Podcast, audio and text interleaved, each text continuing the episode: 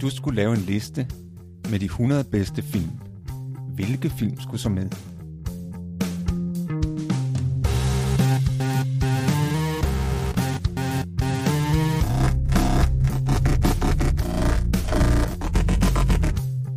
Hej, jeg hedder Morten.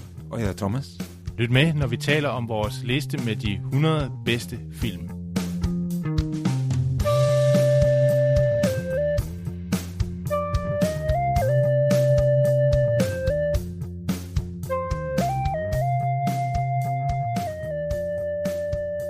Velkommen til vores podcast 100 bedste film. Jeg hedder Thomas, Og jeg hedder Morten. og vi er nået til film nummer 28 på vores fælles liste over de 100 bedste film. Og den film, vi skal snakke om i dag, det er The Godfather fra 1972, som er instrueret af Francis Ford Coppola. Og i hovedrollerne som Godfather ses Marlon Brando og Al Pacino. Og som sædvanligt skal vi advare mod spoilere. Vi fortæller en masse om handlingen og også om slutningen af filmen. Så hvis man ikke vil udsættes for spoilere, skal man se filmen, før man hører den her podcast. Måske kunne vi netop i dag have udladt vores lille afsnit om, at der er spoilers, fordi vi regner faktisk med, at mange af jer, der lytter, har set Godfather, eller i hvert fald har hørt om den, eller i hvert fald kender handlingen, eller i hvert fald har set nogle af scenerne, eller kender til nogle af de store skuespillere, der er med. Fordi det er virkelig en film, der fylder rigtig meget i filmhistorien, og den fylder også rigtig meget for Thomas og mig. Så i dag har vi valgt at gøre det lidt anderledes, end vi plejer. Vi vil nemlig ikke øh, fortælle jer handlingen, eller det vil sige, det vil vi gerne, men vi gør det ved at tage udgangspunkt i nogle udvalgte scener, og på den måde bevæger vi os igennem filmen. Det er jo en utrolig populær film, den her. Den ligger øh, nummer et på mange af de her lister over bedste film i IMDb og hvad de nu hedder alle sammen. Og jeg, jeg tror også, det er en film, som mange mennesker har et specielt øh, forhold til. Hvorfor tror du, at har du, har du gjort nogle tanker om, hvorfor lige den film er så utrolig øh, populær? Altså, jeg har jo, øh, jeg har jo set den fra da jeg var lille. Jeg tror, jeg så den sammen med min far første gang, og har, har genset den øh, mange gange. Øh, også set 1, 2 og 3 i, i rap. Det er nogle lange film, men det er jo nogle film, der er instrueret super godt, og samtidig er det jo meget, meget spændende emne, altså gangsterverdenen. Præcis, jamen, det har jeg nemlig også tænkt. Altså, det, jeg, det har tænkt to ting. Dels, det handler om gangster, og det er jo altid populært, ikke? Lige på samme måde som krimier er en utrolig populær genre, ikke? Så alt, hvad der handler om forbrydelser, det er populært. Og så handler det om familie. Og det vil jo, altså jeg tror også, at der er mange, der godt kan lide at se noget med altså nogle stærke familieværdier, stærke familierelationer, og det er ligesom de er kombineret, den her film. Det tror jeg kan være en del af forklaringen på den så øh, meget store popularitet, og selvfølgelig selve films kvalitet. Jeg tror også, at øh, sådan noget som, som øh, kombinationen af en dygtig instruktør, instruktør og en masse gode, store skuespillere, der, der er virkelig nogle, nogle stjernepræstationer. Altså, Marlon Brando er med. og Det er nok en af hans bedste roller, vil nogen sige. Vi har jo mødt ham tidligere i Burn, hvor han også spillede en rigtig stor rolle. Men som ikke er særlig kendt. Den er ikke særlig kendt, og det er faktisk synd, fordi Ja. det, der folder han sig også virkelig ud. Han, han, er, han er virkelig... Han kan rigtig meget skuespil, men som vi også snakkede om, da vi snakkede om Burn, humor er ikke hans store side. Men det gør Nej. ikke noget, når man skal spille en, en, en aldrende mafiaboss, fordi... Det er jo en utrolig forskel, der er, hvis vi sammenligner Burn, som jo kun er lavet kun tre år før den her film. Utrolig forskel på, hvordan han ser ud i Burn fra 69, og hvordan han ser ud her i Godfather fra 72. Han ser 20 år ældre ud, cirka. Ja, Og han, som filmen skrider frem, øh, så bliver han jo også gammel. Altså vi ser, hvordan han, han, øh, han, han, han dør til sidst i haven sammen med sit barnebarn, hvor han, han øh, laver lidt sjov med, med barnebarnet og, og, og vælter rundt og, og, og, og vander tomatplanterne, og så falder han så om af et hjerteslag. Øh, så så, så man, vi ser ham, vi, man føler ham helt til dørs. Og så er der selvfølgelig Al Pacino, der er Robert Duvall, James Caan, øh, Diane Keaton og mange andre. Det er sådan lidt, man har det sådan med, hvis man har været med i Godfather, så er man en af de helt store skuespillere. Lidt ligesom hvis man har været med i tv-serien Matador, som en, en stor skuespiller, som Ja. folk har respekt for. Respekt er rigtig vigtig i den her film. respekt og ære. Præcis. Og hvis vi ser på, hvordan filmen starter, apropos det med respekt, der er jo en også sådan helt sådan ikonisk øh, åbningsscene, øh, hvor det starter med, at vi ser den her bedemand, der siger, som det allerførste, filmens åbningsreplik, siger han, I believe in America. Men, og så kommer fortællingen om, øh, situationen er, at øh, øh, godfarens datter skal giftes, og i den anledning så gør han nogle tjenester. Man siger, at godfaren kan ikke øh, afslå nogen bøn på sin datters bryllupsdag. Så der er altså en hel masse mennesker, der kommer til godfaren for at bede om noget. Og det som den her bedemand, han beder om, det er, at han vil have hævn for, at nogen to mænd har forsøgt at voldtage hans datter, og derefter har gennembanket hende og invalideret hende faktisk og de er sluppet uden straf. Han har kun fået betinget dom, så nu går han til Godfaren for at få retfærdighed. Så der er jo en ironi i, at han siger, I believe in America, fordi hele hans fortælling afslører faktisk, at Amerika har svigtet ham, eller det amerikanske retssystem har svigtet ham. Og, og der får vi jo samtidig ved filmens start, der får vi forklaret, hvad er det? Hvad er godfader? Hvad er det? Hvad er en gudfar? Hvad er det her begreb for noget? Hvad handler det om? Ja, fordi det har bedemanden ikke forstået. Fordi han øh, forklarer jo den her frygtelige historie om, hvad der skete med hans datter, og om, at de skyldige ikke er blevet straffet. Og så vil han gerne have, at godfaren får dem slået ihjel, de her to mænd. Og så spørger han, hvor meget skal jeg betale? så han opfatter altså godfaren som, altså som, som en simpel forbryder, altså som en slags legemorder. Det er nærmest en fornærmelse. Det er en fornærmelse. Det er en fornærmelse. Fornærmelse, ja. Og det fortæller godfaren jo også. Han siger, jamen hvorfor, hvordan kan du behandle mig med, med så, så lidt respekt? Altså dels så siger han, jeg vil ikke slå dem ihjel, fordi det er ikke retfærdighed. Din datter er jo stadigvæk i live. It's not justice. It's not Så det, så det er hans filosofi, det er sådan en øje for øje, tand for tand. Der skal ske nøjagtigt det samme med de to mænd, som der skete med din datter. Lige så meget, hverken mere eller mindre, ikke? Og for det andet, så er det jo dybt respektløst, så siger han, ja, at du kommer her til mig så op på min datters fødselsdag, bryllupsdag er det, og beder mig om at, at myrde for penge.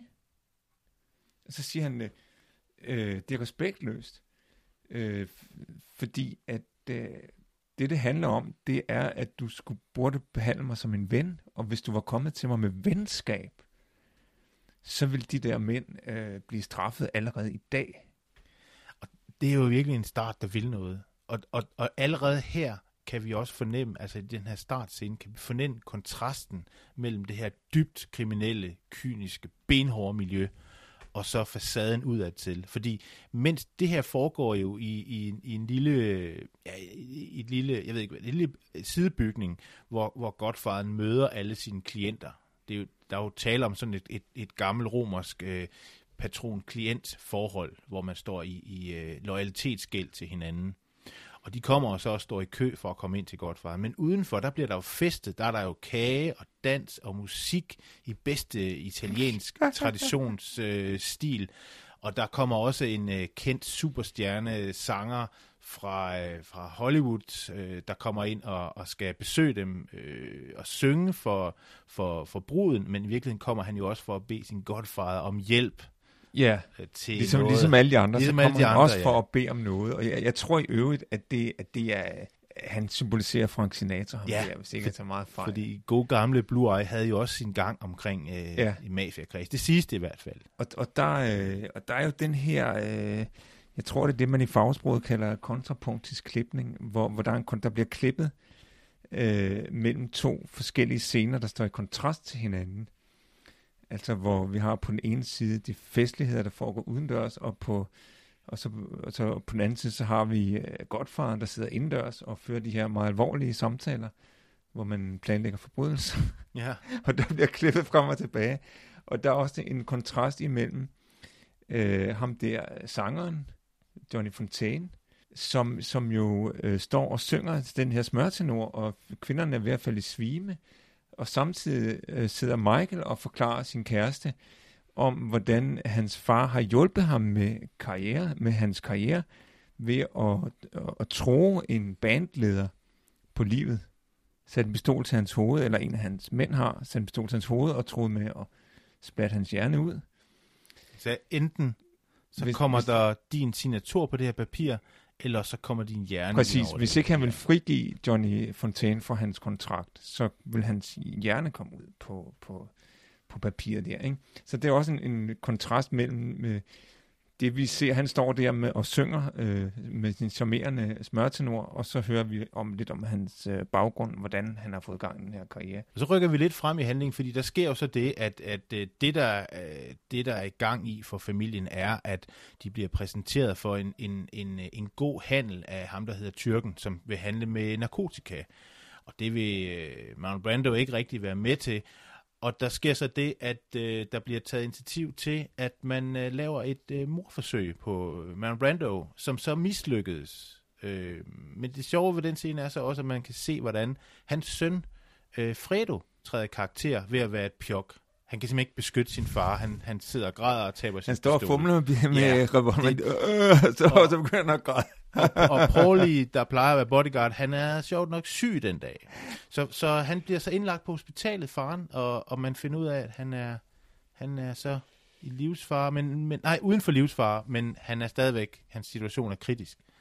Og så kommer den anden scene, vi gerne vil, øh, ja. vil have frem. Og det er jo, Thomas, det er jo... Det er der, hvor, hvor Michael kommer og redder sin far på hospitalet, og, og altså, paradokset består i, at Michael var, har jo som den eneste af, af børnene, af Godfarens børn, erklæret, at han, han skal ikke være med i mafiaen. Det, det vil han ikke have noget med at gøre af den der kriminalitet. Det har han fortalt sin kæreste, spiller af en Keaton, ikke? Men det er jo ham, der redder sin far i den her situation, hvor han kommer for at besøge faren og opdager, at han ligger der helt alene. Der er ikke nogen livvagter de er blevet sendt væk af politiet, og så kan han jo godt regne ud, at det er noget, der er iscenesat det her, og de er på vej for at dræbe ham.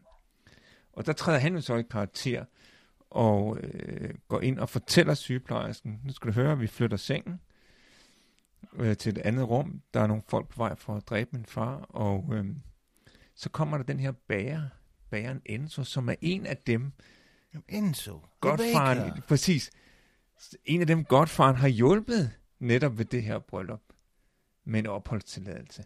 Han kommer så tilfældigvis for at besøge ham med en buket blomster, ikke?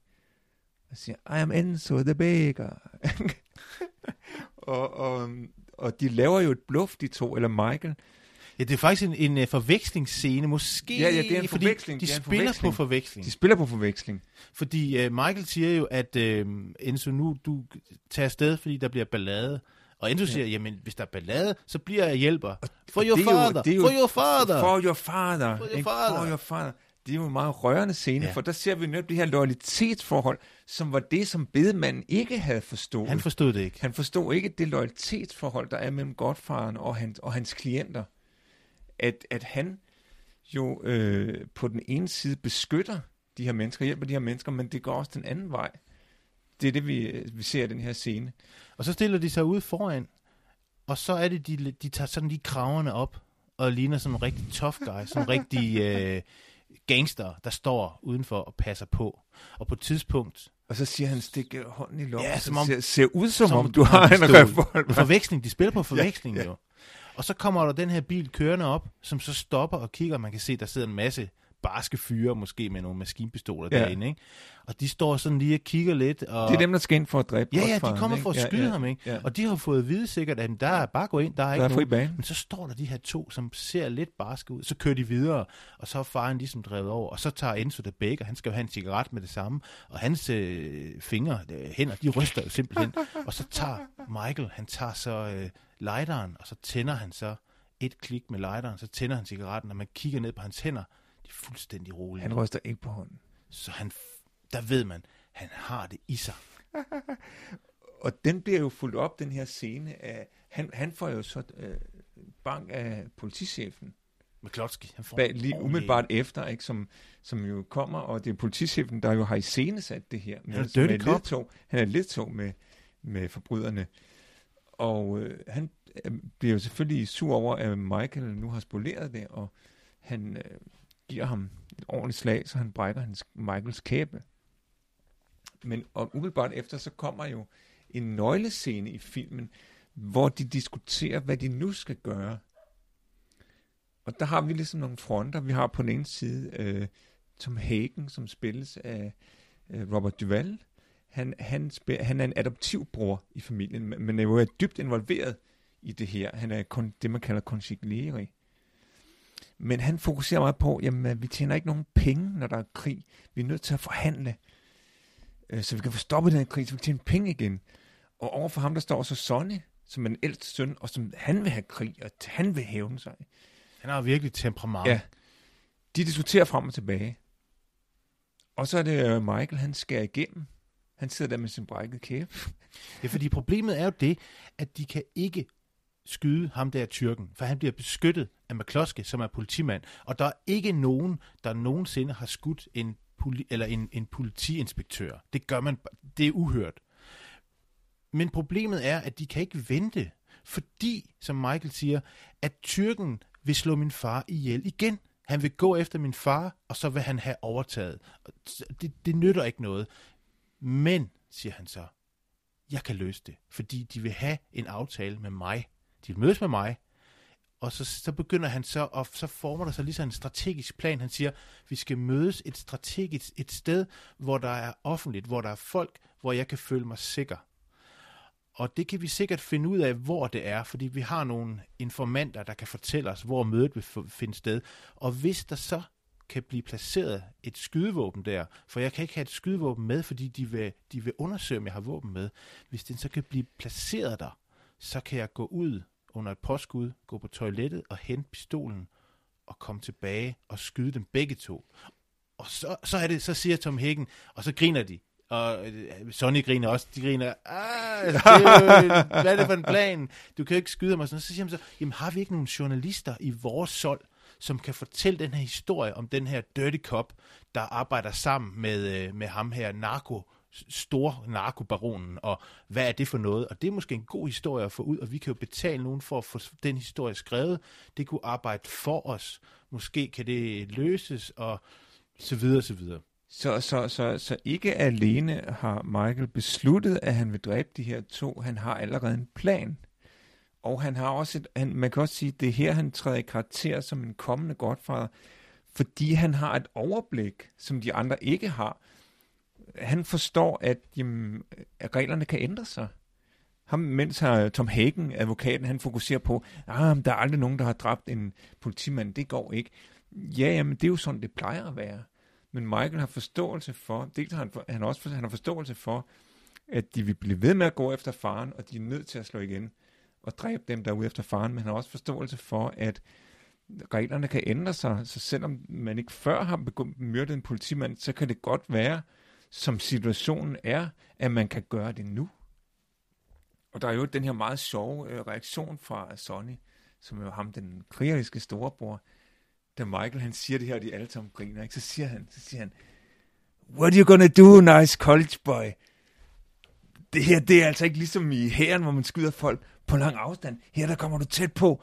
Bada og skyder-! Bada bing! Bada Og så bing! får du hans hjerne ud over dit tøj. og det der, det der bada bing, det er jo nærmest blevet sådan, det er sådan meget, meget øh, ikonisk øh, kendt sætning, som, som symboliserer den her mafia-jargon. Ja, ja, fordi det er jo det, som natklubben hedder i tv-serien Sopranos. Ja. Bada bing! Bada de bing, mødes. bada bing. Og, og jeg tror faktisk, det kommer, jeg tror faktisk, det kommer, her, det kommer herfra. Ja, ja. Og jeg, har, jeg kan også huske, at jeg har set det i tegneserien Simpsons, hvor der er sådan et afsnit, der handler om, om mafiaen, om gangster, hvor Lisa, hun opretter en hjemmeside, der hedder Bada Bing. Bada bing. Det er et skide godt ord. Og jeg tror, det kommer fra den her Ja, scene. det tror jeg også. Det tror jeg også. Nøglescene i filmen. Ja. Nu ved jeg ikke, øh, der bliver jo spist meget, og der bliver drukket meget i den her Godfather-film, forskellige slags, så jeg er spændt på, Thomas, du har jo stået for, for, for catering i dag i det gule værelse. Jeg har, jeg har fundet nogle me- meget, eller nogle lidt specielle kager, Hold da op. italienske kager af det. De hedder cannoli. Uh. Cannoli. Og det er sådan nogle meget delikate, prøv at se, det er, det er sådan et vaffelrør med noget creme i. Det er sådan rullet de, franske de, rigtig, vafler. de smager rigtig godt, Ja. har jeg hørt i hvert fald. Så dem har jeg forestillet mig, at vi skulle spise her. Jamen lad mig øh, smage en af Det er meget gode. Sprøde. Jeg sige. Ja.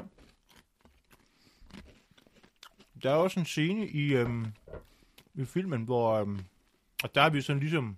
Der er Michael jo kommet... Han er jo kommer jo til Sicilien, hvor han skal være et stykke tid for at blive passet på ham, og ligesom kommer ud af begivenhedernes centrum. Og så fortsætter opgøret jo i, øhm, i gangsterverdenen, hvor der bliver skudt lidt her og skudt lidt der, og, de, og de, man siger, de går til madrasserne, det vil sige, at de, de, de indkalder, rekrutterer folk, og de ligesom har nogle steder, hvor der bare er en lejlighed med en masse madrasser, hvor de så ligger og sover, og så tager de ud og skyder folk, og, og sådan tror jeg, det foregår.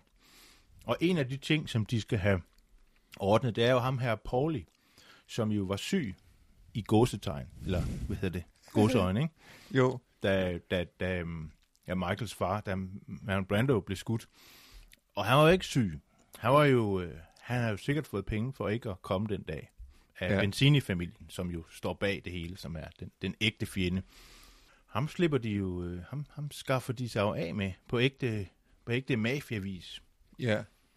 Ja, det, det bare foregår meget sådan stille og roligt dagligdags.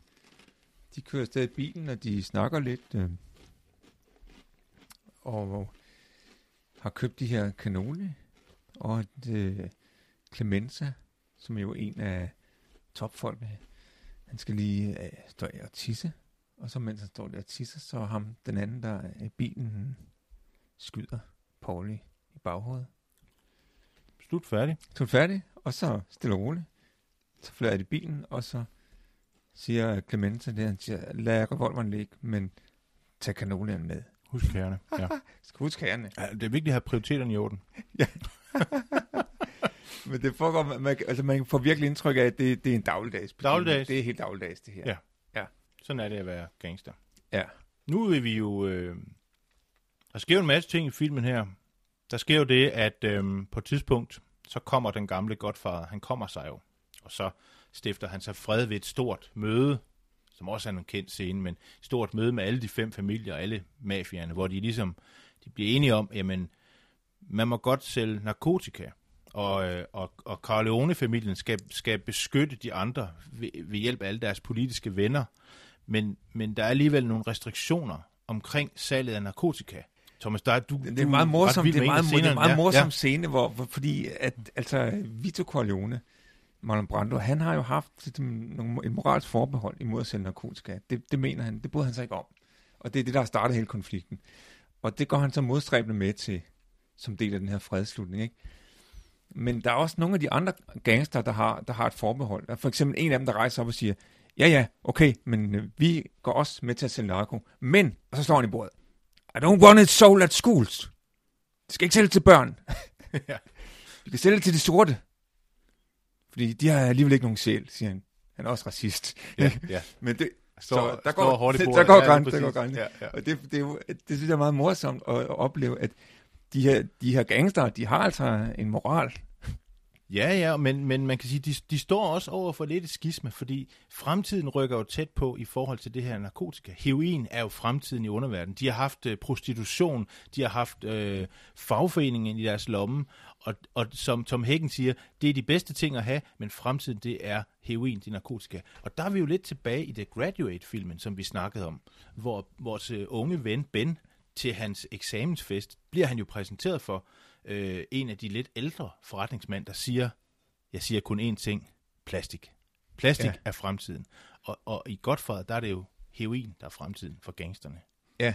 Og Tom Hagen siger også, at vi er nødt til at lægge forretningen om, fordi måske ikke i morgen eller til, til næste år, men om 10 år, så, så vil vi være overhalet af dem, der er gået ind i narkotikabranchen. Fordi Ja. det er fremtiden. Og, og Tom Hagen øh, er jo den type øh, gangster, der fokuserer utrolig meget på pengene. Det er også derfor, han ikke vil have krig. Nej, uha, det er alt for dyrt. Vi skal ikke have krig. Vi skal slutte fred så hurtigt som muligt. Ikke? Og, og det er samme grund, at han har intet problem med Senago, fordi det er der pengene er. Og det, det er det eneste, han fokuserer på. Ja. Og der er andre, så er der andre. Der er også lidt et skisma det her mellem, øh, jamen skal vi satse på, på penge eller våben? Lidt det samme skisma, som faktisk vi oplevede, dengang vi snakkede om Once Upon a Time in the West. Ikke? Der har vi også revolvermanden, som styrer med sin revolver, og så har vi pengemanden med alle pengene, og som har lidt forskellige syn på, hvordan man får magt, hvordan man styrer tingene. Og det skisma ser vi egentlig også her, mellem de forskellige øh, mafiosoer. Vi, vi så det faktisk også lidt, øh, øh, de der to fronter, i øh, The Man Who Killed, øh, Who Shot Liberty Valance, hvor vi har øh, James Stewart, der er kommet ind som den her advokat, lovmanden, og så har vi øh, John Wayne. John Wayne, The. Gunman, Yes. revolvermanden, hvor de to jo øh, til sidst arbejder sammen, fordi at loven er ikke noget uden revolveren og omvendt. Ja. Det, Altså, jeg tror, det fungerer bedst, når, når pengene og våbnene arbejder sammen. Ja. Vi kan også se det internationalt, ikke? Altså, nogle lande, de satser meget på at have en stærk økonomi. Tyskland for eksempel styrer meget ved af deres penge, ikke? Og så er der andre lande, som russerne for eksempel, de satser meget på, de har atomvåben, men ikke så stærk økonomi. Så, og så der har vi jo ligesom det lidt det samme skisma. Jamen, hvem øh, er det egentlig, der bestemmer her i verden? Er det dem med pengene, eller er det dem med, med våbnene? Og det, det er som om, det har vi ikke helt øh, fået ja. afklaret endnu. der er to slags folk. Those with loaded guns, and those who digs. Præcis. Som vi har det i The Good, The Bad and the Ugly med. Præcis. Der er dem med, med latte pistoler, og dem, der graver. Og sådan kan man måske skære folk over i sådan ligesom to, Ja, to og der kan man også sige, der er dem med pengene, og der er dem med revolveren. Ja.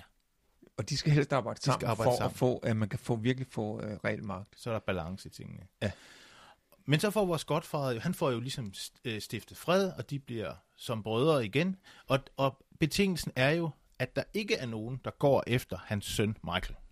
Fordi Yes. Hvis det sker, så vil han ikke tilgive det.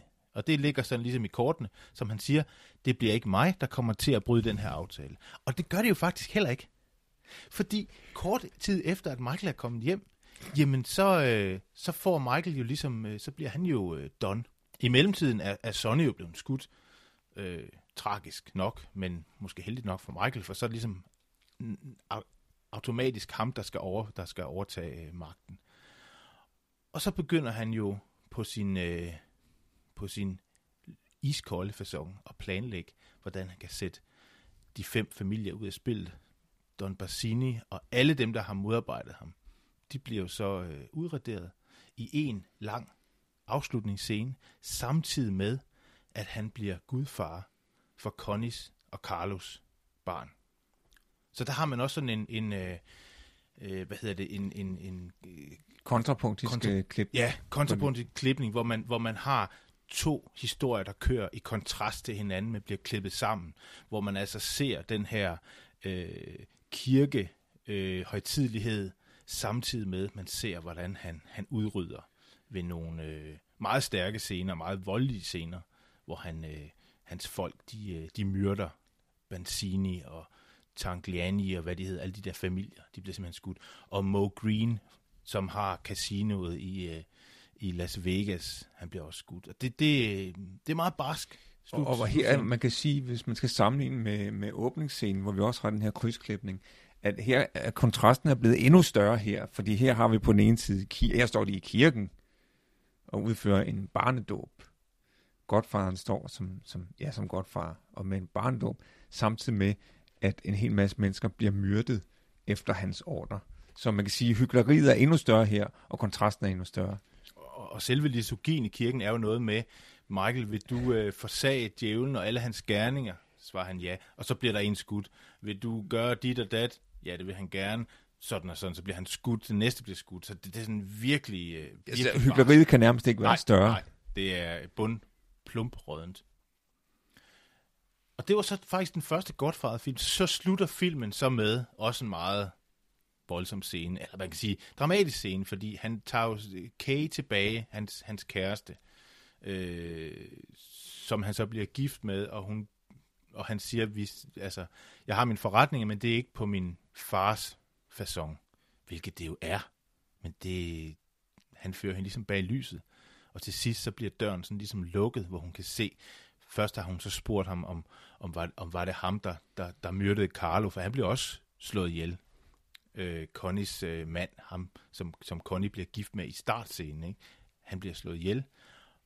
Og hun spørger om, og han, han slår også sådan hårdt i bordet. Jeg vil ikke have, spørg om mine forretninger, men så får du lov den her indgang.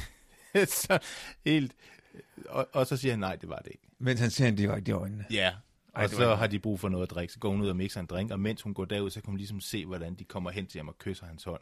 Og så lukker Al Neri, ham, hans nye bodyguard, han lukker ligesom døren. Meget symbolsk. Ja. Døren til hende blev lukket. Barsk film. Barsk film. Men der er jo to andre film. Det skal ja, vi huske har, at sige. Øh, Godfather 2 fra kun to år efter 1974. Og så øh, en del senere, Godfather 3 kom i 1990. Det er alle sammen af, af um, Francis Ford Coppola, der har lavet dem alle sammen. Jeg er meget fascineret af toren, og især af, af de, det, vi ser i toren, det er jo det er en, en slags prequel til dels, øh, hvor vi øh, går tilbage i tiden og ser Vito Corleone som ung. Altså mm, den rolle, som Marlon Brando spiller. Øh, som ung spilles han af Robert De Niro. Og der er vi jo så tilbage i 1900, eller det, vi er tilbage helt der, hvor han øh, som barn flygter til Amerika, fordi hans familie er blevet uvenner med den lokale godfader i Corleone. Og han får navn efter byen, han kommer fra. Derfor hedder Vito Corleone. Men så, så ser vi også, da han er blevet en ung mand i 1917, øh, hvordan han øh, kommer i konflikt med, med den daværende gangsterboss, den sorte hånd, Don Fanucci. Øh, hvor, hvor det, som er Vito Corleones gode idé, det er jo, jamen, at Itali- vi italienere må holde sammen. Det er det, som ham, Don Fanucci, ikke rigtig har forstået. Vito spørger, jamen, hvorfor generer han italiener, når han selv er italiener? Øh, hvor det, det, som, det, som er hans idé, det er jo, at, øh, og som også er grundlaget for mafiaen, det er, at italienerne skal holde sammen. Det skal baseres på en italiensk kultur og italiensk tradition, som er jo blandt andet det her patron-klient-forhold, der går helt tilbage til romeriet. Det har Vito forstået. Og, Og det er meget sjovt, det der med, med parallelt samfund, du nævner, fordi vi snakkede jo om, øh, om den film, der hedder Fiddler on the Roof, hvor vi fulgte det her, øh, den her lille jødiske øh, landsby, som jo egentlig også er et parallelt samfund. ja, det var det da. Helt klart. de, de havde jo deres egne traditions, traditioner, jødiske traditioner, selvom de boede i Ukraine og var en del af, af Rusland. Ja. Det var så ikke et kriminelt parallelt samfund. Det, det er det, men, he- men det, er det, det var et, et kan man ikke, ikke, godt kalde det men et det er parallelt samfund? det be- bestemt et parallelsamfund. Jeg, jeg ved ikke om øh, Søren Espersen, om han ville kalde det for et parallelt samfund, altså jødisk parallelt samfund. Ja, det, det er ikke ved jeg sikkert. ikke, det, er, det er ikke sikkert, han vil. Det er heller ikke sikkert, han ser film. Men der, men der findes jo, der findes jo i, i mange parallelsamfund i virkeligheden. Nu havde vi det jødiske sidste gang i Fiddler on the Roof, og her der har vi så det italienske parallelsamfund, og det bliver jo slået andet lige fra, lige fra åbningsscenen, som vi talte om før, fordi Godfarens allerførste replik, allerførste svar til den her bedemand, der kommer og beder om hjælp, det er jo, at han siger, jamen hvorfor gik du til politiet? Hvorfor kom du ikke til mig først? Præcis. Godfather 3-filmen handler så kort fortalt om, at, at de skal få hvidvaske. Der følger vi den gamle Al Pacino Godfather øh, i hans ihærdige forsøg på at, at få hvidvasket alle de her kriminelle foretagender ved hjælp af nogle smarte banktransaktioner med Vatikanbanken. Og det er jo altså en million forestilling, de har op at køre her. Og, og, og, og der ser man jo også, hvor der ligesom bliver kørt nogle retssager imod mafiaen, hvor de skal til nogle høringer, og der er nogen, der skal vidne, og man forsøger ligesom at, at komme det her mafia onde til livs fra samfundets side. Og, og øh, det lykkes ikke rigtigt for Al Pacino, kan vi godt sige. Som han, som han siger, hver gang jeg forsøger at komme ud af det, så trækker det mig ind igen. det er også sådan en scene, de, de bruger i, i tv-serien Sopranos hele tiden, hvor de, hvor de kører sådan en, en, en, en, øh, en retorik, der minder meget om Godfather. De, de har jo alle sammen set Godfather, de her gangster, så de ved, hvordan de skal opføre sig. Det er meget, meget morsomt. Men, men det lykkedes ikke rigtigt til sidst at få, få, øh, få løst, altså få, få sluppet det her kriminelle, og, og han dør jo så på Sicilien øh, i en idyllisk øh, sted, hvor han sidder gammel og ensom med sådan en lille hund. Og den dødsscene minder rigtig meget om Marlon Brandos dødsscene i etteren, hvor han dør i, øh, i tomatplantagen med sit barnebarn. Så på den måde bliver trilogien ligesom sluttet af og rundet af, men, men altså, vi har ikke, vi har ikke Godfather 2 og 3 på vores liste, men Vi har mange andre gode film. det har vi. Hvis du ikke har set Godfather, så øh, er det bare med at komme i gang. Men vi regner med, at du faktisk har set den, eller måske har set den for længe siden, eller kender lidt til den. Så måske kan du gense den. Det vil vi anbefale. Tak fordi du lyttede med til vores podcast 100 bedste film. Jeg hedder Morten. Jeg hedder Thomas. Vi ses i næste uge, og øh, nu er det jo snart ved at være jul, Thomas. Ja. Så, Glæder øh, vi os til. så vi, har, vi har lavet, i næste uge har vi en lille julespecial, hvor vi skal julehygge på bedste vis, og meget efter alle julens mange gode traditioner. Men vi kommer nok også til at snakke lidt om film. Vi ses.